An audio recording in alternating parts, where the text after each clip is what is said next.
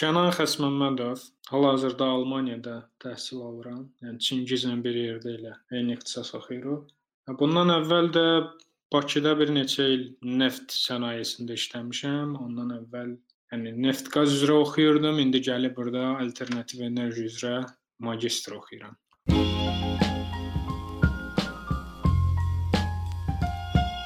Kənan 5 il platformada işləyib də.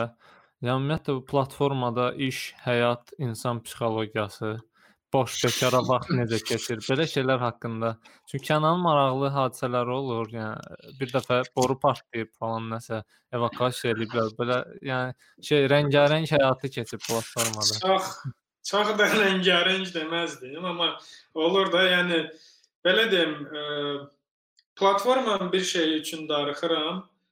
O da ki, Məsələn, platformada olanda necə idi? Sırf hər şeydən uzaqsan, ev işlərindən, nə bilim, qohum, tanış, ailə, bunlardan uzaqsan və sırf işdir, yəni səni narahat edə biləcək. Düzdür, indi hər şey qaydasındadırsa quruda, problem yoxdur. Və mən yadıma gəlir ki, baxdığım kinoların çoxu, nə bilim, oxuduğum kitablar demək olar ki, yəni çoxunu orada eləmişəm. İş olanda belə deyim, intensiv iş olanda heç e, başını qaşımağa vaxtın olmur da. Amma iş olmayanda bir dəfə yadıma gəlir ən uzun qaldığım platformada 30 36 gün olub. Yəni artıq belə depressiya, reallıqla e, 36 yuxu, hə, 36 ardıcı ardıcı hə, gün. 36 yəni 36 gündür. Elə bir İş olanda problem deyil. İş olanda müəyyən qədər fərqlilik olur filan. Amma ə, e, səhv eləmirəmsə o 36 günün bir yığsan bir həftəsi iş oldu ya olmadı. Qalanı ə, e, nə olmuşdu? Kran aşmışdı başqa platformada, qaldırıcı avadanlıq və Sokar qərar vermişdi ki, bütün platformalardakı qaldırıcı avadanlıqlar inspeksiyadan keçməlidir. Bizi saxladılar, iş dayandı. Biz yəni qazma fazasında əsas olurduq da. Dayandı iş 15 gün, 20 gün. Təsəvvür elə o qaldığım müddətdə mən oturdum ə, Adobe Illustrator proqramı full bir də torrentlə keçirdim ə, tutorial və baxdım və öyrəndim proqramı axıra qədər. Amma ki yenə də belə deyim də 36 gündən sonra qayıdırsan və biraz sivil həyata öyrəşməkdə çətinlik çəkirsən. Ha, rejimin alt-üst olur. Bir növ yəni boşluğa düşürmüş kimi olursan da. Gəlirsən, bütün işlər təsəvvür elə ev işləri, nə bilim, sənəd işləri, bankla bağlı, o bu hamısı yığılır qalır və free rejimdə sən bunları hamısını çatdırmalısan. Ora qaç, bura qaç, ora qaç. Bir həftə belə vaxt keçir. Ondan sonra da bir boşluğa düşürsən. Ondan sonra da bütün işlərini görürsən, gözləyirsən növbəti dəfə nə vaxt platformaya gedəsən. Yəni ona qədər də yəni axır üzə mən bura gəlməmişdən 2 il belə platformadan qayıtdım. Şəhərdə bütün günü publar falan belə. Bundan o tərəfə getmirdi yəni. Hesab belə 36 gün şey görmürsən, qurun görmürsən də. Hə. 36 gün hara baxsan hər yer üfüqdür, hər yerdə qorizont. Hə, hə, hə. Ayaq basmağa Elə... yeri yoxdur, yəni ki. Və səhər açılır, axşam düşür. Düzdür, əslində çox şeydə itirmirsən. İtirmək nə mənada? Yəni adam qıraqdan baxır, ha, Facebooka falan girirsən, cəmaət nə bilim biri toydadır, biri ordadır, biri dostlarla oturub yeyib içir, biri o qalırsan ki Lənət olsun da, bu nədir? Yəni mən burada oturmuşam. E, qayıdırsan hamı ilə hə, elə bir bütün qurğulara deyirsən, "Okay, gəlim otururuq, gəlim otururuq." Bir həftə belə keçir. Hamı ilə söz verdiyin adamlarla görüşürsən. Ondan sonra üzrsə, hamının normal işi var, bir dənə sənsən avara. Platformadan qayıdım, normalına oturarıq. Hə, məsəl üçün tutalım gedirsən harasa, travel falan eləməyə ya da ki indi tutalım gəlirsən Bakıya ki 2 həftəlik görüş insanlarla. Yəni sənin fikrin odur ki, mən bütün gün gəzirəm. Cəmaatın da işi gücü var da ya. Vay sağ ol, elə. İki, Gəlirsən. həftənin 2-də 3-cü gün deyirsən nə bilim hələ tezdir, hara gedirsiniz evə Yəni maraqlı. biraz qarışıq idi. Mən yəni boş vaxt mən ümumiyyətcə yəni öz həyatımda da son vaxtlarda onu başlayıram necə deyim, notice eləməyə ki, yəni boş vaxt ən böyük problemimdir. Ya ya bir səncə də yəni hətta bir hansı boş vaxt deyim, tutalım hobbi filan, hər şeylə məşğul oldun və nə dərsə elə bir 5-6 saat vaxt vardı. Yəni sənin gün ərzində tutalım. Yəni o çox böyük bir headache Aha, o çox dəxlisiz bir e, hissdir. Məndə şey tətil vaxtı falan olur. Yəni bilmirsən də nə edəsən, divara falan baxırsan. Əslində eləməyə çox şey var, e. Hı. Eləməyə çox şey var. Mən bir şey deyim. Boşluq yaranır. Bilmirsən nə edəsən, qalırsan belə təkərdəsən də. Tək boşluq məsələsi deyil. Məncə orada e, sırf həmin vaxtda keçirdiyim belə deyim də, o mental vəziyyətin daha önəmlidir nəinki. Məsələn, elə gün olur ki, mən bir dənə boş gün olsun. E, oturub bütün belə sənə maraqlı olan hobbi ilə məşğul ol ya nəsə bir işlə məşğul ol. Bunu eləyirsən, amma elə gün olur ki, yəni eləmirsən də, deyirsən ki, okey də bunu eləyirəm, mənası nədir? Belə bir rejimə düşürsən, yəni bu, bunun mənası nədir mən eləyirəm bunu? Over question edirsən. Hə, yəni sual-cavab belə qalır belə. Bir də e, çox belə deyim də, çox tam olaraq deyək bir ay boş vaxtım varsa, bu tam unproduktiv bir time olur. Amma e, bir ay ərzində deyək ki, sən həftədə 2 gündən bir işləyirsənsə, daha çox şeyə nail ola bilirsən, nəinki sənə full ayı verirlər boş vaxt kimi. Çünki biraz planlama məsələsi var. Ya adam e, adam istəyir ki, atsın qabağa, deyirsən o procrastination-da. Həm də vaxta Sabah eləyərəm. dəyər başlayırsan verməyə. Hə, vaxta dəyərin qalmır da, vaxtın dəyəri qalmır belə deyək. Elə bir bir e, filosofun sözüdür, yoxsa kimin sözüdür bilmirəm, Amerikan deyir iş e, work expands to fill e, the free time available. Yəni sən xırda 1 saatlıq işsə də, sənin boş vaxtın çoxsa onu bir günə eləyib qurtarırsan yəni. Bu şey. Ha. Elədir. Əslində həmişə elə olur. yəni. Mən fikir vermişəm. Sadəcə ə, in, in, məhz sual kimi son vaxtlarda var beyində. Amma ömür boyu demək olar ki, yəni deadline-a yəni əksər hallarda 15 dəqiqə qalmış. Ideal vaxtlarda yəni 1 saat qalmış. Ha, o bizim ruhumuzdadır. Məncə, yəni mən insanlar tanıyıram. Azərbaycanlısını tanımıram. İnsanlar tanıyıram, yəni deadline-dan bir həftə əvvəl hər şey hazırdır. Bizdə amma deadline-a yarım saat qalmış. Nəsə, heç, Məsələnin ən qızğın momenti gedir də, yəni. heç vaxt o adamları mən ciddi al ciddi almırdım da, hansı ki bir deadline bir həftə qalmış idi.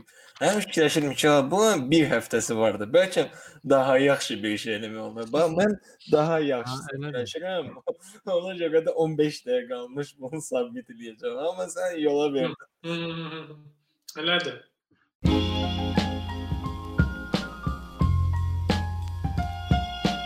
Belə deyək də mən bu işdə fikir vermişdim. Həmişə bizdə ekspatlar çox produktiv və yəni çox işləyirdilər, yəni sözün əsl mənasında. Bu adamlar yəni gün ərzində baxırsan, yəni smen belə deyək də, smendən eyni smenə düşürdünsə, eyni deməyən, yəni back to back smenə düşürdünsə, bunlar normalda daha çox iş görürdü, nəinki sən. Mən bunu onunla əlaqələndirirəm ki, yəni bu adamlar baxma, xaricdəsən. Ə, biraz ə, yəni ayrı-səskilik məsələsi var. Yəni başqa mühitdəsən, indi özəlliklə Azərbaycanda fikirləşsən ki, o qədər də indi tolerantlıq deyirik, amma yəni reallığa gələndə o qədər də deyilik, yəni. Yəni tolerantlıqla da bir çox əlaqəsi yoxdur. Yəni platformada hamı öz dost tanışınla, yəni xaricilər gəlirdi, bu adamların iş rejimi nə olurdu? Ailəsi ilə danışırdı uzaqbaşı işdən sonra. Üstü yatırdılar, idman eləyirdilər, işə qalxırdılar, iş görürdülər, təzədən qayıdırdılar. Amma yəni eyni danışdığın dildə adam yox ətrafında falan. Yəni özünü bir növ onların yerinə proyeksiya eləyəndə başa düşürsən ki, hə də bu da yəqin ki, biraz da o e, işdən çıxarılma ehtimalları falan bu şeyləri nəzərə alsan, hə, haqq verirsən. Dediyim kimi o eksternal e, şərait, xarici şərait rol oynayır səni iş görməkdə, produktiv eləməkdə. Məncə də ümumiyyətlə xaricə düşəndə ə, şey olur, səni hmm, fikri qaçırdacaq şeylər daha azalır. Ya həmin belə deyək, dairə çox azalır. Yəni məsəl üçün ə, mən Almaniyada dərs oxuyanda yenə də nə qədər də fikrim yayınırsa, Bakıdakı kimi yayınmır. Yəni oturub, yəni xüsusən də kitabxanadasansa, oturub tam 3 saat dalbadal dərs oxuya bilərsən. Bakıda mənim üçün bu mümkün deyil də. Mən ə, bundan əvvəlki çoxdur da Bakıda. Sən bundan əvvəlki semestr Bakıdaydım, onlayn oxuyurduq. Mən yəni əziyyət çəkirdim də orada dərs oxuyanda. Hı. Bilmirəm, çox güman hə o elədir ki, yəni xarici mühitə düşəndə, başqa mühitə düşəndə, hardakı ətrafında tamam başqa atmosferdir və səni e, belə deyək, fikri yayındıracaq şeylər daha azdır. Daha produktiv olmağa başlayırsan. Oyda o bizə yəni şey çıxır. Elə çıxır ki, məsəl üçün insan ya əgər əgər ə, daimli, yəni daimli inkişaf etmək istəyirsə, ə, demək olar ki, yəni full alone olmalıdır da, yəni. Yəni e, elədir də. Onsuz da ə, məncə Ümumiyyətlə bu ə, məncə bu meditasiyanın işləmə prinsipi də elə həmin e, şeydir, yəni o beynini boşalda bilirsənsə bir yerdə, ya məsələn bütün e, bu produktivlik quruları yazır məsələn. Nəsə fikrində varsa yaz bir yerə. Nə bilim, mümkün qədər beynində səni narahat edən daim o dövr edən nəsə varsa, onu nəyisə yaz bir yerə yaz, yaxud nə bilim cədvəlini çıxart. Bu şəkildə də, yəni yaddan da çıxartma, amma yəni o başqa bir iş görəndə də sənin beynini narahat eləməsin. Bunu eləyə bilirsənsə, fokus ola bilirsən. Mən- ümumiyyətlə, hə, hə, hə, şey deyirdim ki, məncə o Murad dedi ki, daimi tək qalmalısan. Amma məncə yəni elə insanlar əgər varsa, məncə var və çox azdılar. Yəni daimi qalmaq da bir şey deyil. daimi və böyük bir vaxt ərzində tək qala bilmə qabiliyyətli insanlar Yox, Yəni deyiləm. texniki cəhətdən, yəni produktivlik cəhətdən 1-0 qabaqdadılar məncə. Əm, amma başqa yerdən uzaq. Yəni Hə, daima 100%. tək Yəni bir yerdən insanların da 100% psixoloji problemləri olur. yəni bir yerdən udanda o birisi yerdən uduzursan, ona söz Yəni, yox. Sırf Ya, amma o belə şey başqa, o o bir yana məncə o uduz, yəni başqa yerdə yəni o qədər uduza bilər ki, artıq onun yəni produktiv olan bir hissəyə impact eləyir. Hə, hə, Kənan dediyi kimi, yəni psixologiyaya təsir eləyirsə artıq sən, yəni ki, psixologiyanın yerində deyilsə, produktivliyin falan olmayacaq da. Oturub şkala deyib başı divara vuracaqsan. Hı. Məncə bu ümumiyyətlə texnologiyada bu dəqiqə yəni ən belə deyək, nə bilim, əsrinmi deyim, yəni ən yaxşı icadlarından biri bu telefonlardakı don't disturb modudur. Qoyursan səssizə, yəni nə səsi çıxır, nə bir şey. Axır vaxtlar düzdür, o da o qədər fayda vermir mənim üçün. Yəni hal-hazırda nə edirəm? Telefonu götürürəm hansısa karobkanın içinə atıram ya Hı. Elə də əlinin altından qırağa qoyursan ki, vəsə bu və işləyir bu metod. Yəni sizə də məsləhət görürəm. Mən də eləyirəm arada. Yəni doğrudan nə bilim, əlinizdən uzaqda bir yerə. İstər-istəməz məsələn fikirləşirsən, heç nə eləməsən də telefon yanında durursa, avtomatik bu refleks kimidir. Qaldırırsan saata baxım, ya nə bilim nəsə gəlibsə ona baxım. Bu şeylər baş verir. Və baş verəndə də yəni ani olaraq baxırsan, amma sənin minimum 5 dəqiqəni, 10 dəqiqəni fokus itirirsən sən. Yəni bu dəqiqə don't disturb-la Wi-Fi söndürmək eyni şeydir. Çünki Wi-Fi yoxsa onsuz da heç bir connection. Sən internetdə deyilsənsə, dünya ilə əlaqədə deyilsən. Amma mən ona Elə hə, yəni çünki zəng eləyən yox, bir şey yox. Yəni başqa sənin telefonun nə edəcək? Wi-Fi söndürürsən, çünki Wi-Fi yanıq olanda mən fikir vermişəm, telefon ya yanımda olanda və nəsə işlə məşğul olanda tutalım oxuyuram da. Bir səhifə oxudum, oxudum, oxudum. Özümdən asılı olmayaraq belə fikrim şeyə yara yayınır ki, mən 2 dəfə ekrana basım, baxım bəlkə mənə nəsə notification gəlir. Yəni bəlkə nəsə də, bəlkə kimsə məni axtarır falan. Yəni o fikrin yayındığına görə, yəni ardını oxuya bilmirsən də. 2 dənə basırsan, görsən tutalım Telegramda nəsə var. A burada 2 dənə paralel reallıq yaranır. Ya sən Telegramdakı sənə maraqsız bir şey olacaq, telefonu söndürəcəksən, ardını oxuyacaqsan, ya da Telegramdakı o qədər maraqlı maraqlı olacaq ki, bunu qoyacaqsan, açacaqsan Telegramı. Telegramı da açdınsa nağdı 15-20 dəqiqənin altında, yəni yoxdur. Ona görə mən yəni söndürürəm Wi-Fi-ı. Ondan sonra işimi görürəm.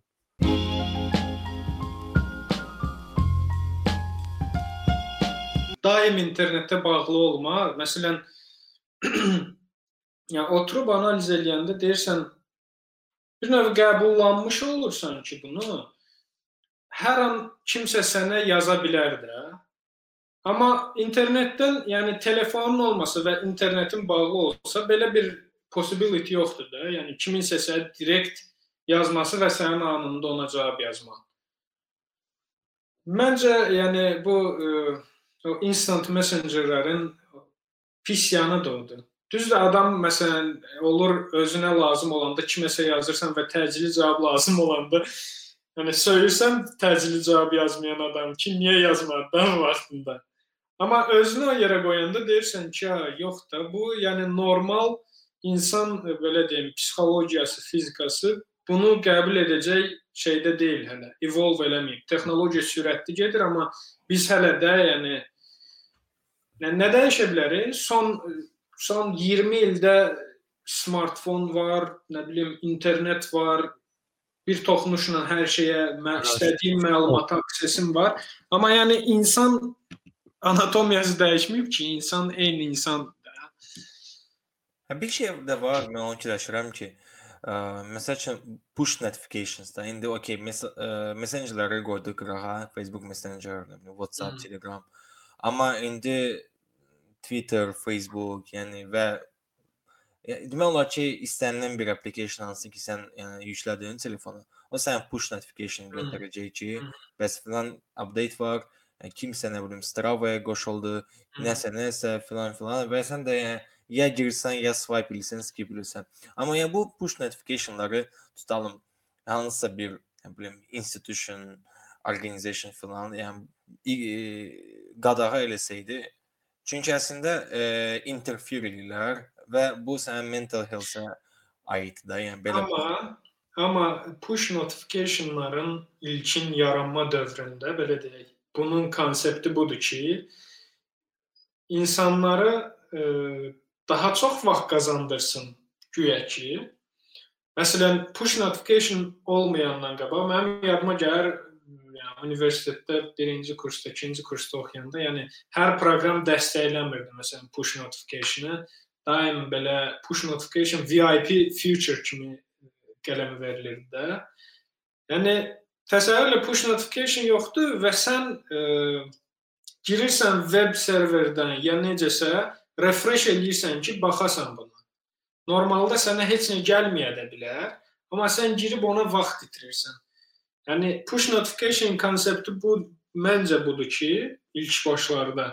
Yəni anında sənə nəsə gəlir və sən bilirsən ki, serverdə yenilənmə var və sən ona baxırsan və manual olaraq girib onu yoxlamalı olmursan. Bir dənə üzr istəyirəm, sual verirəm. Tərsinədir bu şey, yəni funksiyasından tamam əksinə yerinə yetirir bu. Ya bölürəm sizi. Push notification nədir? Yəni Facebook tutan notification göndərir ki, bizim təzə update-imiz var falan belə şeylər. Yo, yo, o yox. yox. Yəni sən oturursan, sən notification çıxır ki, filan kəs götürür filan kəsin şəklini bəyənib. Mən ya hamısı. Yo, sənin ekranına çıxan hər şey push notification'dır. Yəni emaildir, nə bilim, ə, mesajdır sənə gələn, hamısı push notification sayılır bunların. A bunları niyə ban etmək istəyirsiniz ki? Ya da Murad istətdirir. Ban eləmək söhbəti deyil. Sadəcə olaraq, yəni distracting bir şeydir də. Məsələn, şimdi mən Twitterdə, yəni maksimum dərəcədə elə bunu setup eləmişəm ki, ə, mənə elə boş-boş notificationlar gəlməsin. Yəni Hı. ancaq belə deyim də, yəni kimsə mənə follow atıbsa, like elədi nəyisə, nə bilim, retweet filan, ya mənim akkauntla bağlı olan hər bir activity-nin problem yoxdur denən. Amma bu məsəl mənə deyir ki, hə, filan kəs filan kəsin tweetini ə, like eləyib ya da ki, hal-hazırda məsəl üçün mən location seçirəm, okey, ə, bir dəfə Rush seçirəm, bir dəfə US, nə bilim, Azərbaycan. İndi baxıram da hərənin ölkəsində trendlərdə nə baş verir, maraqlandığım Hı. ölkələrdə. Bu mənə oradan olan top storylər kimi bil atır, notification kimi. Yəni, Bunu skip edirəm, girirəm Twitterin özünə, görürəm o gün notification deməsi şeydir də, yəni 6-7 zad nəsə yazılıb, ora qırmızı nöqtə var. Yəni mən ora idealist yanaşıram ki, o bütün hamısı eyni rəngdə olmalıdır. Məcbur girirəm ora, görürəm ki, gic-gic şeylərdir hamısı. Hə, başa düşdüm yəni. Dəxilsiz notificationlar düzdür səndən. Twitterdə mən çox çox notification gəlmir çünki çox follow Twitter amma söhbəti deyil, ümumiyyətlə yəni Kənan düz deyir. Bütün applicationlara, bütün yəni istənilən istənilən application aiddir, hansı sənin telefonda var. Sadəcə məsələ budur ki, bunu məsəl üçün ancaq müsbət yerlərini göstərib, texnologiyanın müsbət yerini göstərib. Ki görürsüz bu belə bir zor ə, tool var. Gəlin eləyək. Hə, zor da eləyək. Və onu 10 dənə, 20 dənə, 30 dənə triggerdə istifadə edə bilər. Və indi məsəl üçün mən deyirəm ki, mənim ləzzətlənmə Twitter belədir. Sən deyirsən ki, Twitterdə məndə az adam var. Prinsipi mənim Hmm. şirkədir. Kanada deyir ki, əslində zorda yaxşı olsun. Və bu artıq ə, fərqli-fərqli opinionlara şey çıxır. Və corporationlara deyir ki, bəs hələ eyni decision yoxdur, hər bir şey deyir. Ona görə də biz davam edirik də, qardaş. məncə o belə eləməlidirlər də. Default bir dənə setup qurmalıdılar. Tutalım kimsə girdi, istəmir ki, ona notification. Mənim misal üçün ən xoşuma gəlmədi notificationlar Muradın dediyi kimi. Dəxlisiz misal üçün də X insan Y insanın şəklini like Amma elədi, o birisinə göndərdi falan. Onları kontrol edə bilirsən. Hə, amma onların kontrol paneli varsa girib oradan sadəcə bir dənə off e, basırsan. Çünki yəni doğrudan da yəni Instagramda məsəl üçün mənə gəlir ki, tutalım kimsə kimsə add edə story. Yəni çox dəxilsiz bir şeydir. Çünki həmin gün 700 dənə story add olunub. Yəni bu mənə niyə göstərir? Mən hal-hazırda fikirləşirəm ki, bu dəqiqə sosial medianın ən e, istifadə etməyin ən safe variantı applicationlar silirsən, webdən istifadə edirsən. Hə, mən keçmişəm yavaş. Yəni mən Facebooku və Messenger-ı bu dəqiqə telefondan silmişəm. Gündə 1 ya 2 dəfə girərəm ya girmərəm. O da baxıram nə gəlib, nə gedib. Vəsə, bununla da bağlanır. Məndə də neçə ildir artıq yoxdur Facebook. çəkin, altından plus qoyuram, plus qoyuram hamısının altından. Məndə ancaq Telegramdır. O da yəni son vaxtlarda çox belə populyarlaşıb, amma okeydir. Yəni belə deyim, ancaq ə, bir okey Telegram və Medium iki app var. Mediumda də çox şey olub, nəsə crash olursa vaxtlar. Onu da yığışdırmışam, ancaq web browserdan girirəm. Hmm. Yəni Chrome-dan o da ki web browser experience o dərəcədə bərbad olur ki, deyirsən ki, şey, girməsən Hmm. yaxşıdır. Hmm. Və yəni qalıram ancaq Və applicationlar çox ə, belə deyim, addiktiv olur. E, Yəni istənilir, istəyir animasiyası olsun, istəyir bu ə, ekranın frame rate falan. Yəni webdə istifadə edəndə o ləzzəti ala bilmirsən deyə. Yəni webdə yazanda da yenə deyirsən bəlkə elə app yazım, yəni qalır belə. social dilemma baxmamısan təsadüfən. Baxdım deyəsən ona. Hansı Netflix-də? Netflix-də. Hə, baxdım, baxdım ona. Hə, mənim yerimə də bax. çox- Biraz çox sinematik çəkiblər belə, Çox, yəni. abartılı. Amma O, pis o deyil. hə, biraz facepalm ananın şeyləri. Mən- mən-. Mən 3 ayda Murada deyirəm ki, baxacağam ona. Hələm baxıb qurtarım. Baxıb başlamamışam heç baxım. Baxacağam. Yəni. Amma həqiqətən e, çox belə möhtəşəm bir şey deyil. Yəni reallıq nədir onu göstərir. Alqoritmləri elə bir bir növ insan şəklində animasiya verib və alqoritmin gördüyü işləri insan görür. Orda oturublar məsələn, "A, bu bu məsələn filan kəsin şəklində 5 saniyə baxaraq vaxt keçirdi. Okay, bunun news feed-ini bu adamın şəkli ilə doldurun. Ki engagement yaratsın. Nə qədər çox vaxt keçirirsə, bir o qədər şirkət ondan qazanc götürür. Bu bunu göstərirdi və bəzi xırda şeylər var idi. Amma yəni son illər belə deyək, son 1-2 ildir ki, bu digital health məsələsi gündəmdə olduğuna görə məncə şirkətlər də çalışır müəyyən qədər ən azından toollar versinlər ki, bunu kontrol edə bilərsən. Məsələn, iOS-də elə Android-də də screen time məsələsi var. Qoşursan, yəni gündə neçə saat spesifik proqramlar üçün limit qoya bilərsən. Məsələn, bu gün Instagrama yarım saatdan 15 dəqiqədən çox mən vaxt xərcləməyim deyə avtomatik qoyursan, vaxt tamam olanda sənə deyir ki, vaxtın tamam oldu. Amma yəni mən özüm istifadə eləmişəm bir bir neçə dəfə. Yəni bir müddətdən sonra deyirsən, "Okay, yəni ignore eləyirsən də, hə, ignore for today, davam eləyirsən."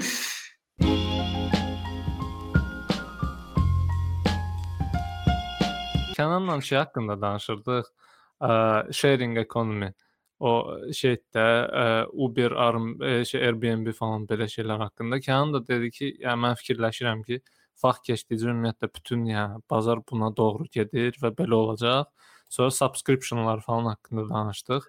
Oradan da gəlib çıxmışdıq enerjiyədə. Yəni bir məqalə oxumuşdu deyəsən nətər ki, ə, şey evi yəni şey elektrik maşınları istifadə edən ə, insanlar axşamlar onları grid stabilizasiyası üçün ə, belə deyək də rent eləyəcəklər.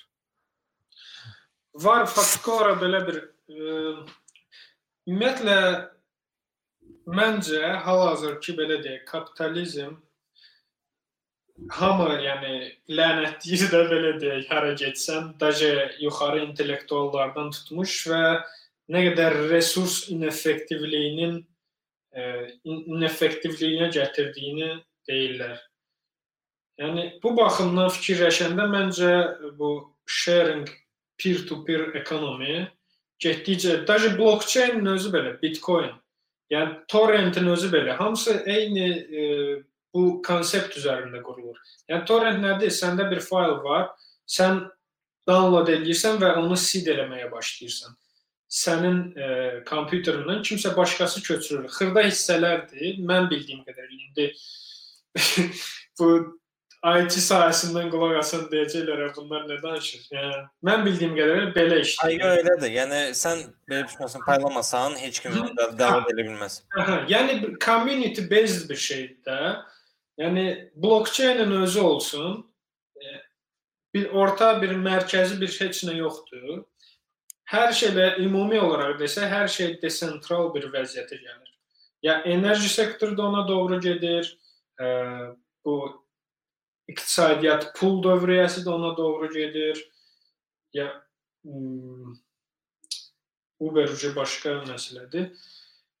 Yəni məncə məncə yaxşıya doğru gedir. Yəni siz nə fikirləşirsiniz? Məncə də mən mən həmişə Airbnb kiminsə gedirsən, kimsə özü e, yəni deyək ki, bir həftə evdə olmayacaq, deyir gəlsin kimsə mənim evimdə qalsın və müəyyən qədər pulunu da ödəyəcək, gedəcək. Həm sən qazanırsan, həm o qazanır iki tərəfdə karlı çıxır işdən. Belə. Mən bir dənə şey deyim, bu Airbnb yox, ümumiyyətlə belə böyük məşqabda desentralizasiya haqqında həmişə demişəm ki, məncə, yəni bu desentralizasiya proqresə yolu açan prosesdir. Yəni çünki ə, bu dövlətdə, yəni hökumətdə ə, power-ın desentralizingində də ola bilər və adi enerji sistemində də, yəni desentralizasiya məncə inkişafa daha çox ə, töhfə verir.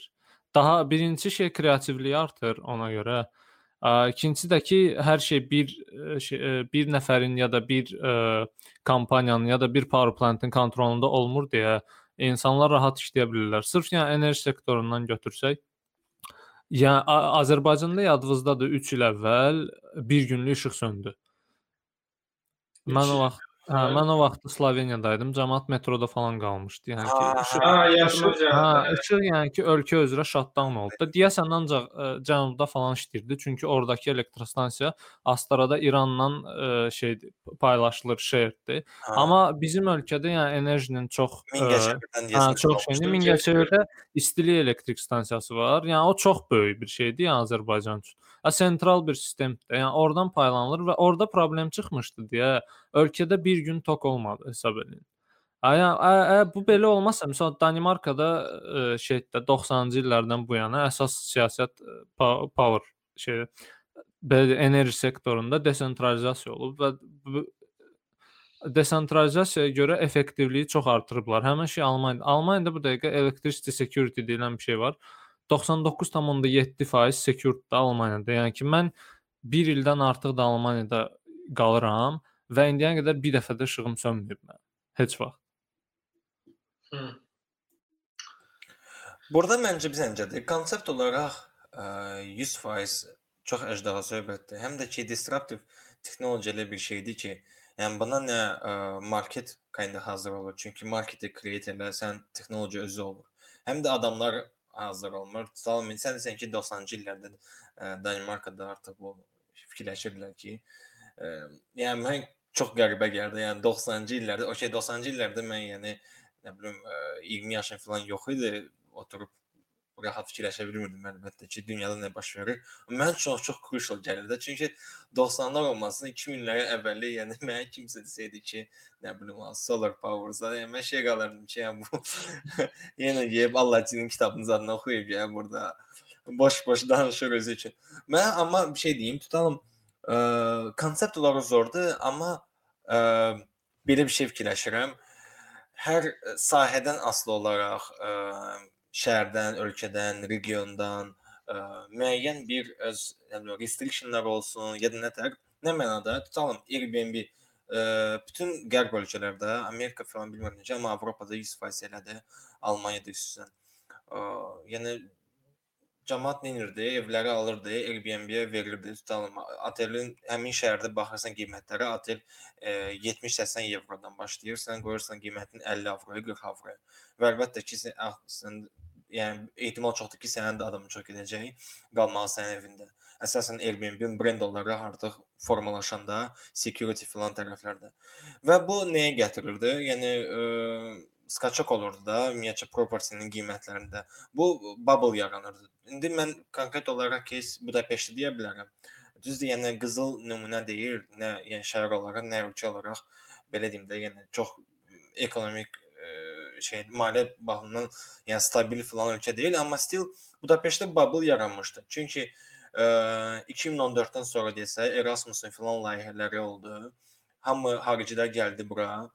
Ə, nə bilim UK-dən, zaten Almaniyadan, Washington bütün az ə, Avropanın qərb tərəfindən və 300 avro, 350 avroya başlayırdılar otaq, əvvəl evləri falan. Qiymətli sonra o qədər qalxdı ki, yəni artıq otağı 300, 350 avroya Budapeşt kimi, yəni Macarıstan kimi ölkədə rent edirdilər. Və o nəyə gəlib çıxardıb? Təsəvvür ki, ə, xaricdən gələn, yəni turistlərə, ə, Erasmus tələbələrinə, ekspatlara falan görə ə, yerli local property qiyməti qalxırdı, amma yerli əhali bunun yəni ə, necə deyim, ə, platispashod platispashod deyildi də. Təsir eləyə bilmir. Yəni, yəni o, imkanları yox idi o qədər pul verməyə. Aysa, hə. Və o bir sənəcə, yəni bir bir, bir ara o yer, yeri gəlib çıxıb ki, ə, hətta yəni lokal ekspatlara falan indi əlbəttə ki, vəz vəziyyətdən asılı olaraq Yəni müəyyən şeylər overbaha gəldi. İndi bu pandemiyadan sonra yəni çox yəni bizəcə də yəni konkret görünür ki 20-30% rahat. Yəni rent filan hamısı ölüb də, yəni bütün bu qiymətlər. Çünki Airbnb yoxdur. Həm də ki cəmaət gedir məsələn 5 dənə ev alır ə, və evinin məsələn birində yaşayır, dördünü verir belə rentə Airbnb ilə. İndi qabaq ə, deyirlər bilmirəm deyirlər artıq ya yox, deyəsə deyirlər vergi olacaq yəni sən Airbnb kimi rent edirsənsə. Deməli sən ayrıca fee Airbnb ödəyirsən və ə, yəni yaşadığın ərazidə gap tax ə, ofisərə ə, yəni vergiləri ödəməlisən. Almaniyada 100% bu elədi artıq. Yəni belə bir problemlər də yaranır da. Sırf məsəl üçün Airbnb-dən danışırıqsa. Məncə yəni Bazar iqtisadiyyatında, yəni azad bazardırsa, tələb çoxalırsa, qiymət qalxır, tələb azalırsa, qiymət. Məncə normal bir şeydir. Yəni şikayətlənməyə də dəyməz yəni.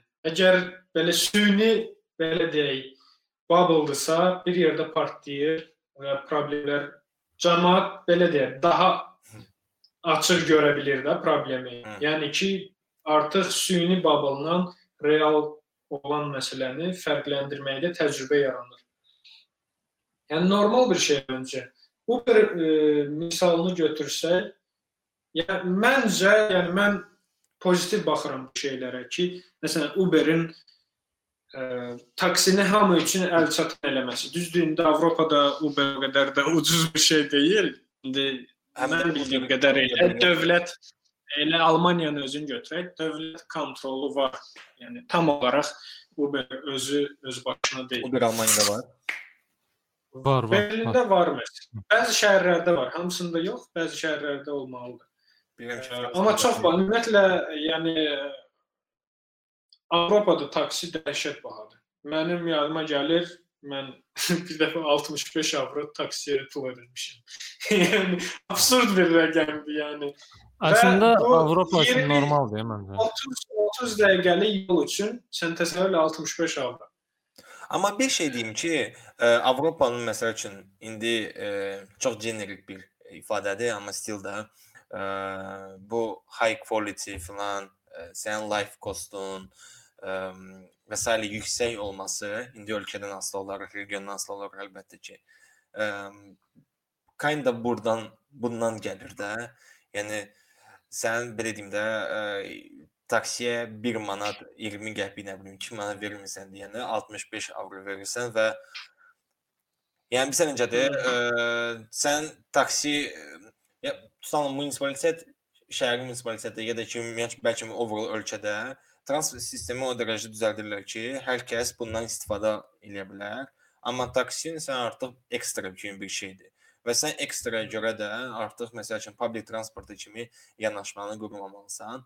Yəni, mən bu ekstradır, ona görə də mən ekstranı ödəməyə hazıram. Ona görə məsəl üçün 65 avro olur. Tam bu da peşə deyəsən çox bahadır, amma yəni bütün Avropa. Hə, mən də onu deyəcəydim ki, Avropada taksi biraz belə şey sayılır da, luxury. Lüks. Yəni çünki hə, bir dəfə kim O, idi bizdə e, şeydir, taksiyə hamı bilməməlidir.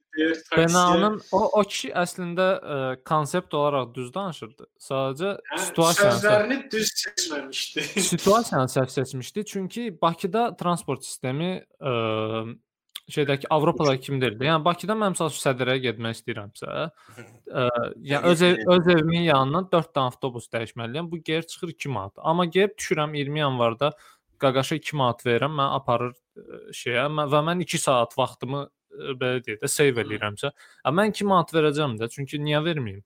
Ya komfortludur amma. ki, Amma Avropada, Avropada sən məsəl üçün Çadıraya getmək üçün taksi ilə, yəni 30 dəqiqə gedəcəksənsə, 40 dəqiqə tramvayla gedəcəksən də hər şey var. Ona görə taksi biraz lüks sayılır və ona görə babat pul charge Bir də ki, məsələ odur ki, ə, əgər taksi, yəni ə, taksi nə bilim, şofer olmaq peşə kimi yanaşılsa bu, yəni yanaşma olsa bu, qiyməti filan əlbəttə ki, qat-qat, yəni qat-qat deməyim, yəni çox olacaq.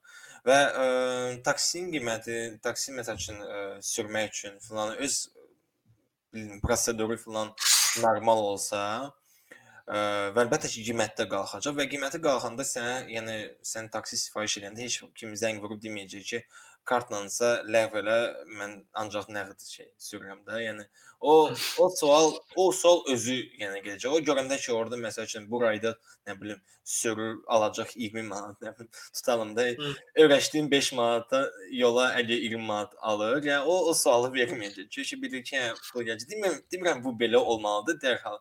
Çünki bu ə, yəni ekspert falan deyiləm, fikrimi sadəcə bölüşürəm. Bu müəyyən bir prosesdir, hansı ki, bir-birindən asılıdır. Əlbəttə ki, taksi bir gün 20 manat olsa, o demək deyil ki, bütün yəni problemlər ə, həll olunacaq. Sadəcə belə də ucuz olmamalıdır. Mən yalnız ki, bir ara var idi ki, adamlar az qala dedi ki, yox, e, bu taksiyə giriş 10 manatdır. Yəni vermirsənsə tərpənmirəm. Yəni ə, aeroportdan şəhərə 50 manata aparan vaxtlarda İndi sonra çox risk çəkdi. Yəni az qalıb 6 manat dindi. Yaxşı. Mən bir də Yaxşı 6 biraz azdım, 8. Başım bağlayaq 8. Mən bir də ümumiyyətlə bu ə, Uber, Airbnb-nin Budapeştdə qiymətləri təsiri falan. Bunun haqqında bir şey deməyim ki, o keçən səfər Pənahla söhbət eləyirdik. Əm, dövlətlər innovasiyanın tempinə çatdırmır e, məncə. Çünki adi Türkiyə misalını götürsək Uber-lə. Uber gəldi Türkiyəyə. Türkiyədə Türkiyədə də şeydir, taksi lisenziyası çox bahadır. Bir dənə sahibkar taksi lisenziyasını alır və başlayır onu paylayır başqalarına. Onlar da elə ondan rent eləyib istifadə edirlər. A Uber gəldi çox az qiymətdədir. Bunlar başladılar Uber ə, sürücülərini döyməyə falan. Ondan sonra Ondan sonra yəni şeydir, Ərdoğanın bir dənə şey var. Deyir Uber mübər var. O nə? Biz bizdə yox ondan da. Hə, götürdü, bağladı Uberi. Götürdülər, bağladılar Uberi və indi Türkiyədə Uber yoxdur. Yəni bu da radikal biraz şeydir. Fransada oxşar şey oldu. Hə, radikal addımdır. Mən dəstəkləmirəm onu. Sadəcə dövlət elə bir ə, şey yaratmalıdır ki, proqram təzə bir şey yaratmalıdır ki, taksilər üçün. Onlar Uber-lə nə tərsə kompüter eləyə bilsinlər. Kompliket çox. Hə, biraz çox qarışıq. Məncə belə deyək də, yəni dövlətin e, texnoloji innovasiyaya çatdıra bilməməsi tam olaraq natural bir şeydir, yəni başa düşüləndir. Şirkət hansı yeni bir startapdır, 50 min dəfə səhv eləmə şansı var büdcəsi çərçivəsində. Amma dövlət, yəni dövlət işlərində sən bunu eləyə bilməzsən. Bir qanun çıxarırsan, sabah bilsin, yox, bunu səhv eləmişik, bunu başqa cür eləyək dövlətin bu şeyi, bu şansı yoxdur da belə deyək. Yəni bir növ bilirsən nəyə oxşayır? Böyük şirkətlər çox böyüyür və öz uğurları altında əzilirlər. Nəyə görə? Çünki ə, bir 10 il mövcud olan bir şirkətin legacy olur da, şirkətin korporativ dəyərləri olur, o olur, bu olur. Hansısa startap bir şirkəti 3-5 nəfərdən ə, toplanmış bir şirkətin bu sahədə nə bilim fərqli-fərqli e, texnologiyalarla özlərini test eləmək, sınamaq, konseptlərini dəyişmək, visionlarını dəyişmək ehtimalları olur. Amma böyük şirkətlərdə bu şey yoxdur. Yəni dövlət də belə deyək oturmuş bir nəhəng bir strukturdur. Bunu çox da belə deyək də o səhv eləmək marjinləri çox azdır yəni orada. Bilirsən bu dəqiqə o qədər elə platforma a, podkast başladı yenə sosial media. Qayıt şeyə. Uber haqqında danışırıq. Qaqaş biz mən, Uber haqqında danışırıq. Murad mənim sözümü yarımçıq kəsdi. Başladım danışar. Hə. Um, buyur. Hə, Uber, Uber məsələsində ə, bir yaxşı bir şeydir. Çünki alternativ biznes modelidir. O baxımdan pisdir ki, hər bir ə, yəni Uber Bakıda da Uberdir, nə bilim Avropada da Uberdir, o birindədir. Yəni özü bir növ mərkəzləşmiş bir sistemə çevrilir də böyüdükcə. Ona görə bu modeli götürüb sadəcə olaraq fərqli ölkələr hamısı özü üçün bir alternativini ortaya qoymalıdır. Üçüncüsü, yəni Uber əslində o qədər də share bir şey sayılmır. BlaBlaCar daha şey, yəni Airbnb-in bir növ maşın alternativi kimidir də. Yəni qoyursan məsələn mən saat 6-da işdən çıxıb Bakıdan Sumqayıta gedəcəm. Kim istəyir, məndə ə, application request göndərir. Mən deyirəm, okey də, vəsə. 4 nəfər götürdüm, gedirəm. 1 manatdan. yəni həmin şeydir. Məncə bu variant yəni Uber-dən daha əla bir şeydir. Həm ə, maşına benzinə qənaətdir. Yəni sən normalda tək evə gedəcəkdinsə, indi 4 nəfər aparırsan özündən. 4 demək, yəni 4 biraz basırıq olur, 3 nəfər. 3 nəfər aparırsan. Bu 3 nəfər avtobusda gedəcəkdisə, artıq sənin maşında gedir, avtobusda biraz daha yüngül olur. Bu şeylər var. Məsələn, mən burada Avropada görməmişəm. Amerikada carpooling liniyası var idi. Orada nə idi? Yəni maşında 2 nəfərdən artıqsansa, ancaq o liniyaya girə bilərsən. Bu da onu promot eləyir ki, yəni maşınlar boş getməsin də. Yəni mən özüm müşahidə olmuşdum sürəndə orada biz getdiyimiz palasada çox nadir maşınlar var idi, yəni seyrək idi və yol boş idi də sürürdün, gedirdin. Və bu ümumi palasada isə maşınlar nə qədər də maşında hamısında da bir nəfər oturub sürür və həmişə probka olur o liniyada. Məncə Uber ümumiyyətlə yarananda belə şey kimi yaranmışdı. Yəni sənin dediyin BlaBlaCar kimi də sırf sharingə sən bir yolu gedirsənsə, həmin yolda deyirdin ki, mən burdan bura gedirəm. Elə yaranmamışdı. Sonra Məncə sadəcə partladı və şey oldu. Ya, mən gedirəm 99-33-ə taksi deyirəm. yox, Uber Belə oldu. dedi ki, Uber yaradı. Uber dedi ki, biz taksi deyilik. Hə, hə də yəni yəni belə bir şey çıxmışdı. Sözsüz Uber taksi deyil ki, Uber sadəcə olaraq customerla ə, belə deyək, müştəri ilə sürücünü birləşdirən bir platformadır. Yəni özləri C2C. çox da məsuliyyət, hə, çox da məsuliyyət daşımır yəni orada. Amma məsələ odur ki, Uber falan çıxdı, sonra Bolt, yəni ikisi e, Demək olar ki, eyni şeydir. Ha, eyni şeydir və ondan baxsaq Yandex-dır, nə bilim, Yandex taksi, Hamısı eyni şeydir. 189 deyəsə çəkiz app planlayır, yəni Bakıda. Yəni məsələn ki, hamı fikirləşib ki, okey də bu ə, customer to customer, yəni C2C bir dənə marketplace yaradırlar, platform. Yəni hər şey gəlir ona çıxır da. Yəni sənin platformu yaradıram, müəyyən toolları qoyuram ora. Sən müştərisən, sən bunun müştərisən, bu da sənin müştərindir. Bir qədər qovuşun, yəni şeydir, həll edin söhbəti. Ə, bir də bir Ya- şey deyim ki, biz bayaq danışırdıq şeydə, yəni marketi tamam fərqləşdirirlər, dəyişdirirlər və insanlar bir təkərə düşür də, bilmirlər nə etsinlər. Mən Bakıya adıma düşdü. Yəni Bakıda tamam belə bir şey deyil də. Yəni Uber var, Bolt var. Ə, bunlarla kompet eləyən yerli şirkətlər var. Tutalım 91 11, 99 33. İndi 189 biraz daha bahalı taksi sayılır deyəsən. A bir də ki e, şey var, e, belə konservativ köhnə taksilər tutalım Hövsana 1 manatdan 20 yanvardan Sumqayıta gedənlər. Yəni ki çox şaxəlidir bizim taksi bazarı. Yəni ba- başqa Yaxşıdır başqa ölkələr məncə bizdən nümunə götürsünlər. Biraz utopiya. Bizdə problem Yəni biraz endlessdir. O mənada ki, ə, yəni sənin qazandığın ə, ya şirkətdə olsun, ya nədirsə, yəni mən elə taksiyə minmişəm ki, onun yəni 4 dənə şapkası var idi. Yəni hansı müştəri zəng vurur, o şapkanı maşinesinə qoyur ki, bunu şey eləyirəm. Yəni ancaq 189-da filan olur, çünki onlar ekskluziv tələb edirlər.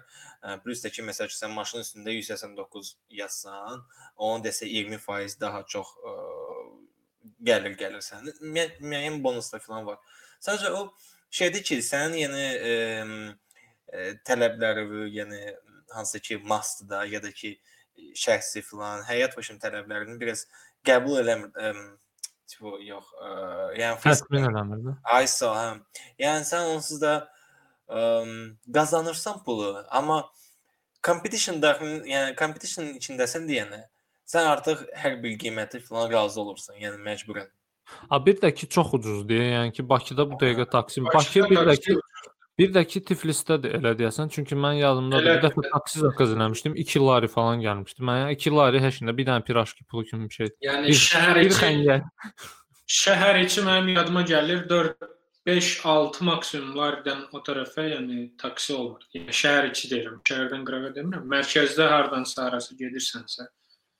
Mən bilmirəm yəni ki, insanlar dolana bilirlər bu pulaya yox, amma özüm belə qıraqdan baxanda, hətta yəni ki, Azərbaycan belə deyək də GDP-si ilə də bizim aldığımız pulla zət, amma mənə biraz ucuz gəlir.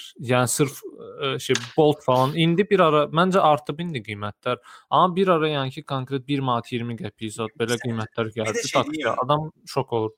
Bu tam Bolt okey, Bolt ə, səfərimizə şeydəndi, Estoniyadan çıxıb, Estoniyadan çıxan startap. Hı -hı. Amma Uber ə, US-dəndir və burada ə, yəni dərhal görünür ki, belə cür startap ancaq US-dən çıxa bilər. Çünki ə, US-də elədir ki, EU-da məsəl üçün sən mə məcbursan da, yəni sən ə, insurance olmalıdır da, yəni sığortasız ə, səni heç ölkəyə belə buraxmazlar.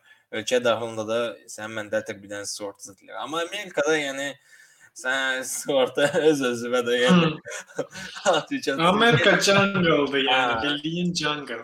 Ha deyir ki söyləyəcək. Bu bu bu da yəni daha çox sürdün, daha çox işlədin, çox qazanacaqsan. Qalan da yəni sabahın problemi sabaha qalsın da. Yəni o stildə bir şey. Fikirləşə, ona sonra Ha. baxarıq. Hə, et ki, ya Fransada, Almaniyada heç bir ə, adam götürüb günə, yəni 14 saat, 16 saat sürməyəcək. Elementarları mən Flixbus-a minəndə həmişə görürəm ki, 4 saat zat sürdü bu, sonra yerini dəyişirlər, nə bilim, bu yatır. Hə, 2 3 dənə e, driver olur, altdan 2 bahırda, yəni rota. Amma söhbət odur ki, bu cür qaydalar var da. İndi tam Rusiyada hardasa Dynambolş götürür 24 saat sürsə tək başına. Amma yəni bu EU-da impossible bir missiondur. Amma burada hmm o tulla bunlar yəni başqa marketlərə girəndə biraz nasazlıq olub da. Yəni EU-da bu ə, temalar keçmir. Amma məsəl üçün Azərbaycanda və yəni Azərbaycan kimi ölkələrdə keçir və bu müştəriyə yəni məsəl üçün mənə sərfləyir. Amma yenə də bir sənəcə də complaint falan görsən ki, çoxdur da. Yəni bir taksi gəl gəlmədi. E, Sürür mən məsəl üçün olur da tələsirdim, saxladım. Dedi ki, hara lazım, nə qədər? Hə, yaxşı deyirmin. Və götürür atqaz eləyir də. Yəni o bu müştəridir. Nə nə burada şeydir. Yəni bu biraz şeydir. Kristin bir şey başlanır da. Yəni səncə rat race yəni. Kim çox verdi zat. Qalan vacib aspektlər şeyə düşür, kölgəyə düşür. Hmm. Səncə Amerika modeli yaxşıdır yoxsa Avropa? Mən belə deyim. Yəni e, insan bir belə deyim, yəni özün sürücü də olsan, yaxud özün bu drive-dan istifadə edən də olsan, ha, sən hansının belə üstünlüyü daha Mən belə deyim, mənim fikrim bəlkə ə, çox ə, necə deyim, fair səslənməz. Ona görə əvvəlcədən deyim ki, ümumiyyətcə Amerika, American Dream falan bu cür şeylər ə, mənim üçün biraz necə deyim, ə, yəni çox da yaxın bir şeylər deyil və skeptik yanaşıram. American Dream məncə yoxdur. Yəni 70-80 bu dot-com bubble bu, bu şeylər vaxtı var idi və indi o qədər də deyil yəni. İmmiqrasiya çox sürətlənib yəni. Hamı hər yerə. Mən yəqin ki, daha çox ə, EU belə deyim, style Avropasının daha yaxındır. Çünki məsəl üçün indi okey, yəni normal büdcə, yəni korrupsiya falan olmayan ölkələrdə ə, yəni büdcə planlaşdırılması yəqin ki, normal keçir. Tutalım, nə bilim, public transportda bu qədər gedəcək, bu qədər sayılır və burada ə, hansı bir rəqib girir?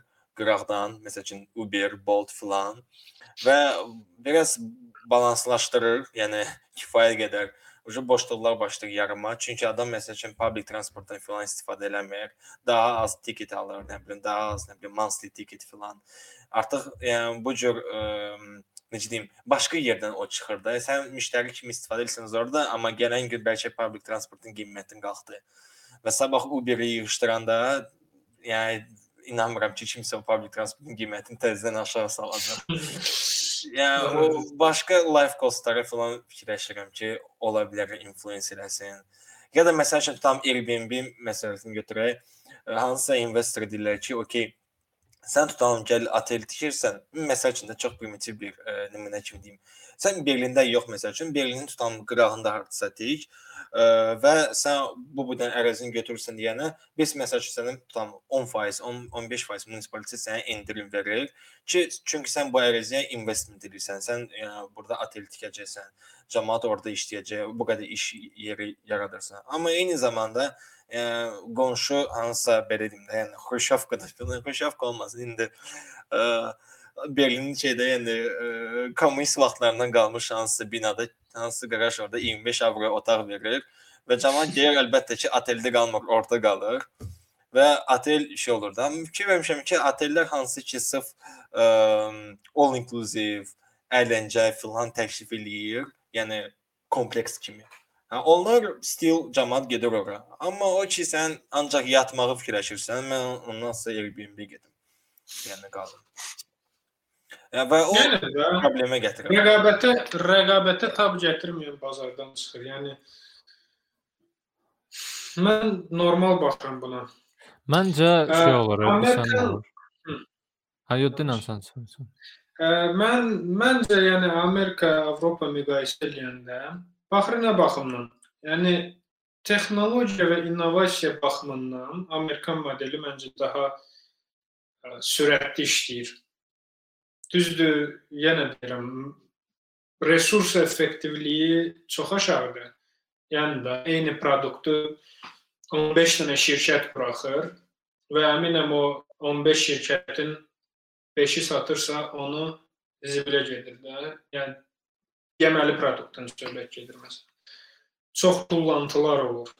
düzdür, seçim çoxluğu olur.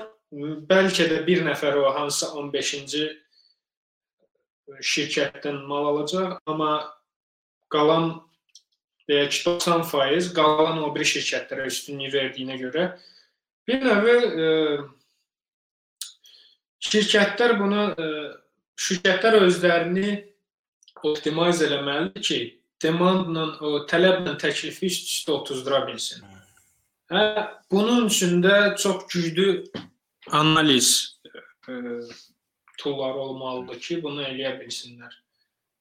Mən e, Amazon məsələn digital platformaların üstünlüyü ondadır ki, bu adamlar direkt olaraq görə bilirlər nə çox satılır, nə çox alınır, nə bilim kimsə hansı produktun üstündə daha çox vaxt keçirir baxaraq. Bu şeylər var. O baxımdan analitika. Elə deyək də, hər şey digitallaşması bir yandan pis deyil. Ə, mən bir şey deyim, mən məsəl üçün hansısa servis istifadə edirsən deyənə, ə, sən bunun yəni pullu olmalıdır. Yəni onun tərəfdarıyam ümumiyyətcə. Yəni ona görə ki, yox ki, mən milyonlar qazanıram, yəni yox, okey, qazanmıram və yəni qazansaydım belə sırf ona görə fikirləşirəm. Yox. Ə, məsəl üçün mən niyə görə bunu fikirləşirəm? 5 il əvvəl mənim istədilər ki, okey, Facebook bundan sonra aylıq olur, ə, nə bilim 4 avro, 4 dollar. Yəni ilk ə, ideya olardı ki, cancel subscription və mən Facebookdan istifadə eləməzdim. Və fikirləşirəm ki, Facebook kimi ə, platforma indiki, yəni həcmdən baxsaq ki, bu artıq nə bilim 2 milyard falan adam var. O o baxışdan yəqin ki, çökərdi, elə olmayacaqdı. Amma eyni zamanda da keyfiyyətli çox çox keyfiyyətli bir platforma olacaqdı. Yəni Hı -hı. sən ora yəni pul vermisən deyəndə sən onu konkret yəni öz e, istədiyin kimi istifadə edirsən. Yəni məsələn Medium-da elədir ki, sən məqaləni oxumazsan, bizdə yəni 5 dollar aylıq ödə və bu həqiqətən ki, fikir vermişəm ki, yəni Medium-un nümunəsində bu keyfiyyətə influence edir. Və hər bir şeydə olsa belə İyun bir, bir teması var ki, sən 1 dollar da qazansan, gələ vergi ödəyəsən də. O biraz bezdiricidir. Amma ə, yəni başa düşsən ki, çölə çıxanda filan görürsən ki, okey, podyezin o tərəfini yığışdırıblar, hər şey təmizdir, sələ gəlirsə, təxmini başa düşürsən ki, o ə, vergilər, yəni həqiqətən ən azından yarısı lazımlı yerə gedir. Ha bir də mən əlavə eləyim bu Amerika ilə iyunun belə müqayisəsinə. Kənan dedi texnoloji proqres Amerika daha qabaqdadır. Mən razıyam bu ilə. Sadəcə bir şeylə razı deyiləm ki, razı deyiləm yox, fikrim belədir ki, yəni tutalım Amerikada texnoloji proqres qabaqdadır, Avropada isə Amerikadakı kimi deyil, amma yenə də var.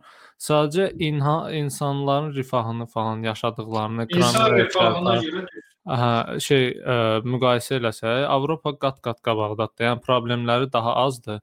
Bir də ki, yəni təzə texnologiya ə, məncə Yəni ümumiyyətlə innovasiya falan insanın xoşbəxtliyini artırmır da. Yəni ki, indiki orta xoşbəxtliklə 200 il əvvəlki orta xoşbəxtlik məncə dəyişmir də. Çünki çox belə ə, əlbəttə nisbi bir şeydir. Sənin ətrafında olanlar falan ə, nətər deyim, onu influence eləyir. İndi məsəl üçün bəzi insan belə bir insan ola bilər ki, Facebook addiktivdir. Facebook olmasa bu insan bədbəxt olacaq da, depressiyaya falan düşər. Amma hesab eləsək ki, Facebook ümumiyyətlə yoxdur. Yəni bu insanın həyatında çox bir şey dəyişməyəcək.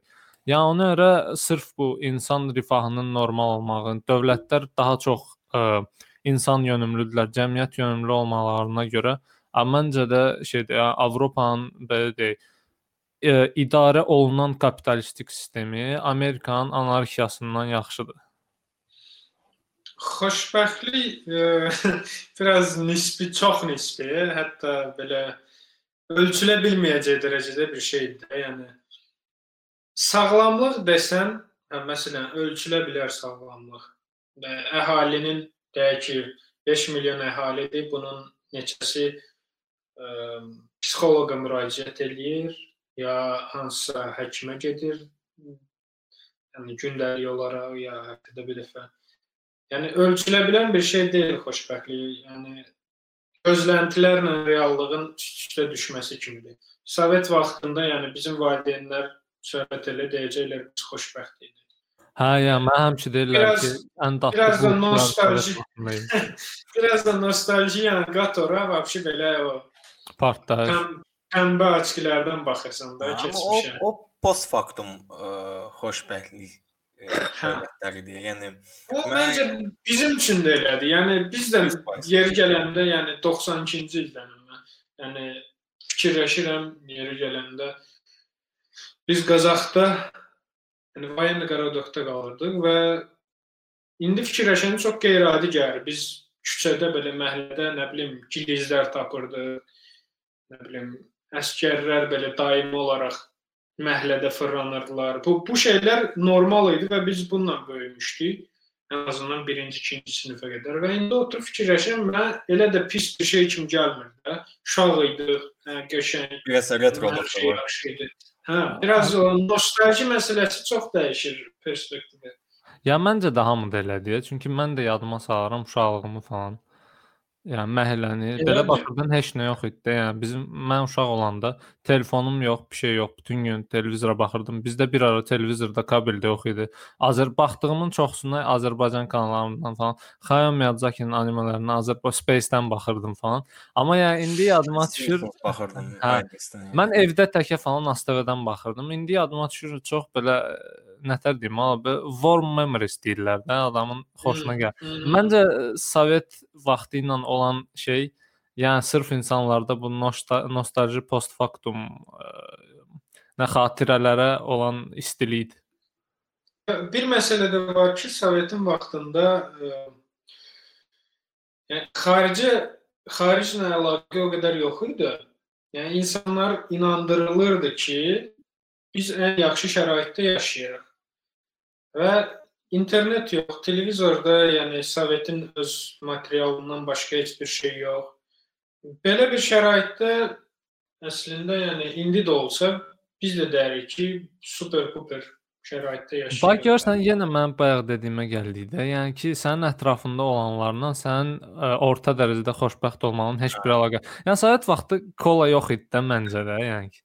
Və insanlar kolasız yaşayırdılar və kola haqqında heç kim fikirləşmirdi də, yəni ki. Və hamı orta dərəcədə xoşbəxt idi. Öz ətrafında olan ə, belə öz boksuna görə də, öz çərçivələrinə görə. Macarıstandan ya da ki, nə bilim, Pribaltikadan servis zad gəlirdi. E, servis, Hmm. servis, servis nəsə qab-qacaq. Yəni o Çexiya xrustal. Se servanta qoyulan şeylər. Hə, o ucu maksimumdur. Stenkan yığırdın belə 2 2 varımdı. Saqqızın tapılmayan vaxtı VIP bir e, şey commodity də saqqız. Amma yenə də görürsən, orada yaşayan insanlar necə də deyirlər ki, məsələn biz o vaxtı daha yaxşı yaşayırdıq, ya daha xoşbəxt. İndi e, ən azından ona görə ki, mən elə fikirləşirəm. İndi daha yaxşı e, şəraitdə yaşamırlar. Bu mənim fikrim ilk növbədə. Yox, yox mən məncə ə, şəraitlər olanır, düzdür. Amma biraz o gördüyünlə reallıq məsələsi o onu da müqayisə edəndə o da təsir eləyir. Hə, yəni bir sən də İdeoloji, məncə ideoloji çöküş yaşanır hal-hazırda. konkret zəiflik olub ümumiyyətcə. Yəni 90-cı illər gələndə deyiblər ki, sizə də freedom filan, yəni biz partlayacağıq qabaq və çox ə, over yəni maksimal şeydir. Necə deyim? Maksimal yox, bir sözü yaddan çıxmışam. Anyway. Yəni yanlışma o idi ki, qabaq hər şey pis idi, amma indi hər şey zor olacaq. Və indi zor yox, yəni ondan da daha pis oldu ilk periodlarda. Hansı ki, yəni cəmaət köçürdü, nə bilim, Amerikaya, Almaniyaya kim hara şey elədi Sovet vaxtı. Və sonra da yəni, belə də yəni, kim qaldı? Tək ümumiyyətlə qlobal baxımdan ə, müqayisə edəndə məncə ideoloji çöküş də yaşanır. Yəni insanlar artıq ə, heç nəyə inanmırlar.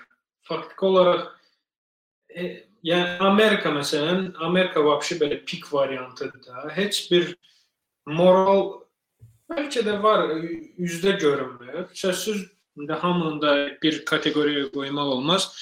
Amma yəni mən özüm orada olanda hər şey pula bağlanır da. Pul, pul çox, yəni pulun rolunu dəhşətli dərəcədə gözünə girir yəni orada olanda. Bu özü də bir ideologiya Yəni- deyilmi? Yaxşı ideologiyadır amma səni xoşbəxtliyə aparırmı o söhbət? Yenə xoşbəxtlik. Yenə xoşbəxtlik. xoşbəxtlik yox. Yaxşı. Belə bir yəni sənə daha yaxşı standartlar əslində verir də. Nə bilim, nə tər deyim. Ya bi- pul, pula yox. Bir, bir sən bir şey Öz, öz minimum var da. Sənin ətrafda, ə, sənin yaşadığın mühitdə Hə, səni belə deyək səni var. belə razı edəcək, qane salacaq. Mən kitab oxuyurdum Sapiens, Kenan oxuyub deyəsən. Hmm. Orada bir şey var idi ki, yəni ümumiyyətlə Avropada cəmiyyətin dəyişməsi haqqında danışırdı. Yəni bu iqtisadi artım falan olanda. Orada bir məsələ var idi ki, individualizmin artmağının səbəbi Avropada Avropa cəmiyyətinin family ə, dəyərlərindən, ailə dəyərlərindən bazar dəyərlərinə qarşı belə yönəlməyi. Çünki insanlar yəni hamı ölənə qədər ananla, atanla yaşayacaqsan 100%. söhbətləri dağılırdı. Hərə gəlirdi öz evini, öz ailəsini qururdu, öz işini qururdu və insanlarda individualizm ə, dəyərləri daha artırdı və başqalarına qarşı, yəni tolerant da deməyim, daha açıq olmağa başladı başqa şeylərə qarşı. Ondan sonra da Avropada belə iqtisadi artım başladı və bir də ki, ideologiya tamam dəyişdi. Sadəcə Amerikada məncə də vəziyyət biraz pisdir. Yəni gördüklərimdən Kənan heç olmasa Amerikada olub, mən olmamışam. Mən, Amma yəni orada şey gedir, yəni ki, ə, cəmiyyətin orta səviyyədə dünya görüşünün çöküşü gedir. Yəni məncə 200 il əvvəl belə deyildi ya.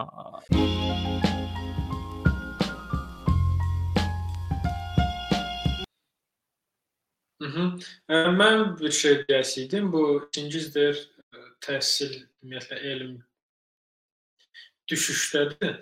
Mən ə, New Yorkda olanda bir marketə girmişdim.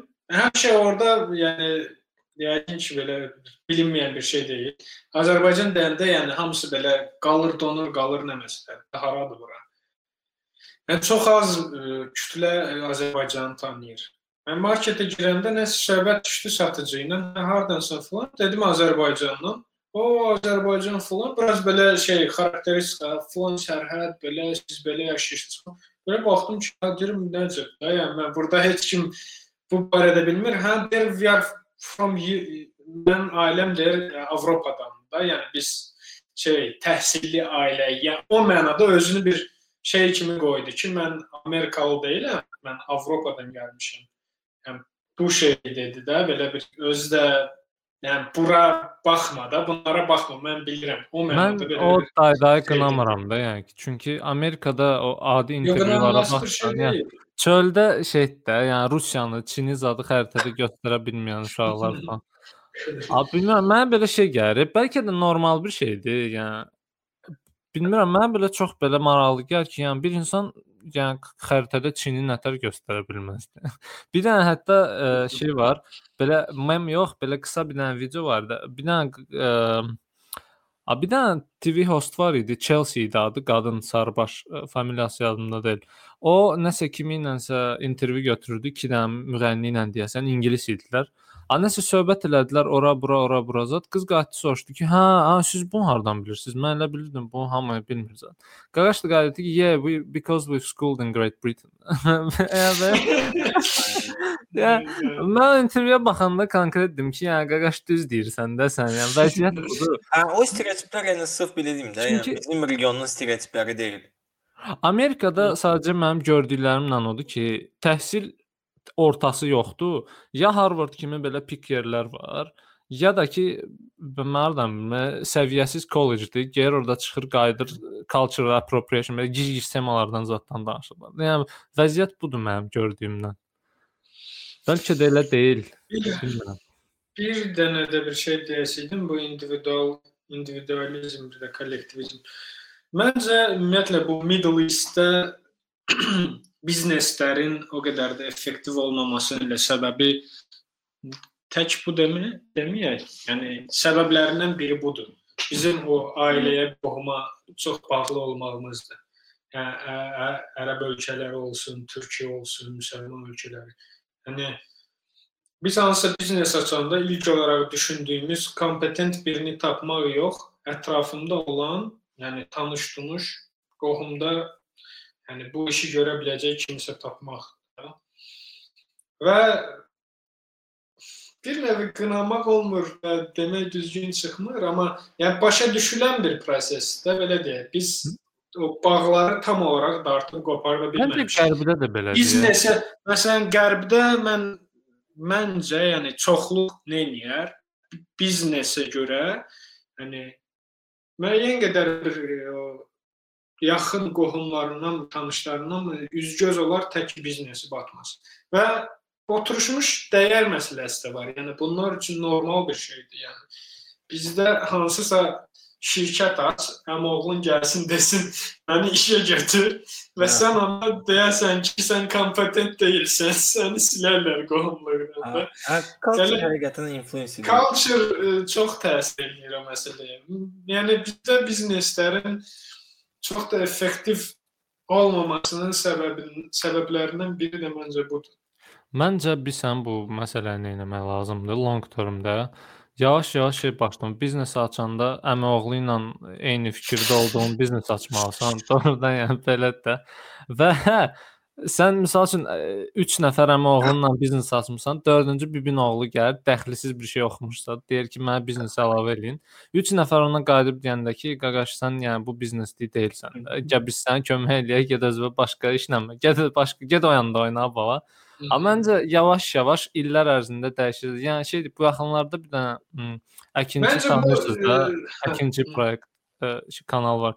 Orda ə, adı nə idi? Altay görüşü. hə, Altay görüş qulaq asırdım. Deyirdi ki, şeydir. ə, Adətin dəyişməyi özü də bir adətdir.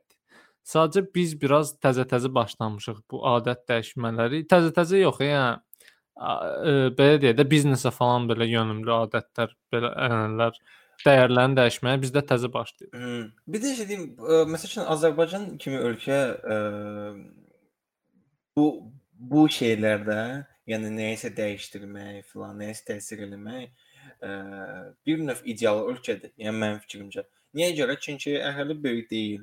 Ə, demək olar ki, ə, bizneslərin, nə bilim, ə, turizm filan əksər işlərin ə, vacib ə, sualları sayla ə, bir şəhərdə 1, 2, maksimum 3 şəhərdə həll olunur. Ə, və tutalım bu kimi nümunələr, nə bilim, əmimoğlunu çağırdım filan bilədin. Yəni e, şey niyə görə de- deyirdim, şərq ölkələrdə ümumiyyətcə bu alver söhbəti çox e, inkişaf edib, yəni nə bilim əsrlərlə də. Və əslində burada müəyyən bir e, necə deyim, yəni proper, yəni daha düzgün education filan olsa, sırf bu ilə bağlı. Məncə 10 il, 5 il, 10 il sonra müəyyən bir produkt ə, artıq çıxa bilər ortalığa. Yəni o məndə ki, universitetdə artıq nümunə kimi göstərəndə ki, bəs əmi oğlunun sırf əmi oğludur deyəndə gətirəndə şə, bax bu belə şeylər ola bilər. Yəni bu artıq səncə də yəni zarafata, həm ə, yəni insanın obixoduna da belə çevrilə çevrilə bilər. Məncə məsələnin ə, həlli yolu iki şeydən keçir. Ya təhsil güclənməli. Təhsil deməyə də bu ə, təhsilə daxil olur. Əslində dövlət Təhsilin dəyərləri hə, dövlət bu dəyərləri aşılaya bilər. Bu birinci strategiyadır. Yox, bu olmursa da dövlətin marağı yoxdursa. Bu özlüyündən cəmiyyət içindən aşağıdan yuxarı e, baş verə bilərsə, ancaq o cür baş verə bilər ki, e, minimum rifah səviyyəsi qalxa və insanların normal ə, düşünməyə vaxtı olar. Yəni mən düşünmürəm ki, səhərdən axşama 8-dən evdən çıxıb axşam 11-də, 12-də evə gələn bir adam bu barədə fikirləşir ki, ha, bu düzgün deyil də, hansısa qohumu işə götürmək ya ə, nə bilim. Yəni söhbət ondan düşübsə elə, yəni, bu düzgün deyil. Bunu analiz eləmək üçün vaxtı yoxdur ya da ki, əlavə heç bir şey fikirləşmək üçün heç bir vaxtı yoxdur. Yəni. Həm də ki belə bir bu-. Bu iki strategiyadan biri olmalıdır, yəni bu şeyin dəyişməsi üçün məncə.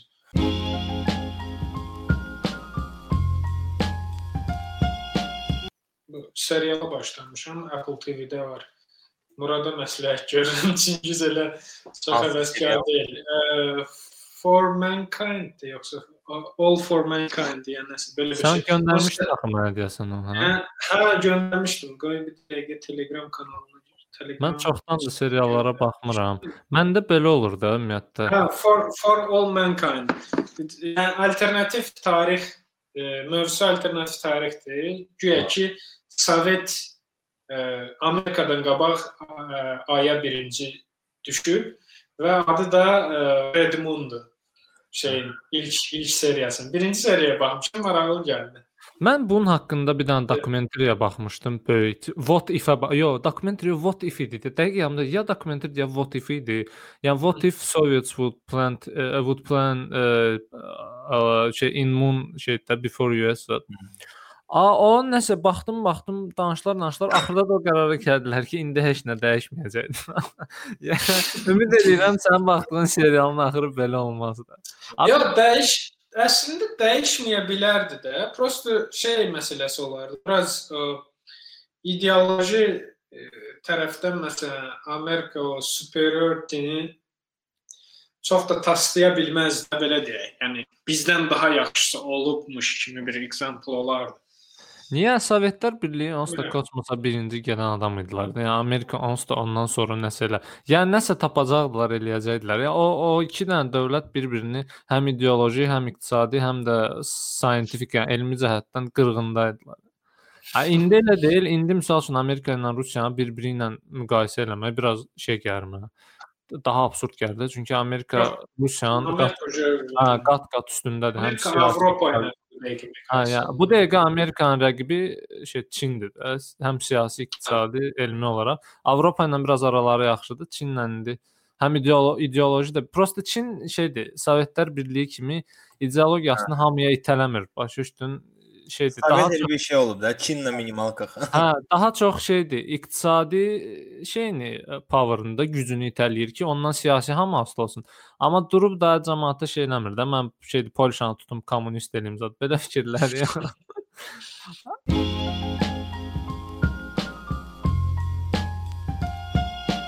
Okey, e, biz platformadan başladıq da. Top 3, nə bilim, top 5 məşğuliyyət sənin yəni boş vaxtın, çox şey boş vaxtın olanda.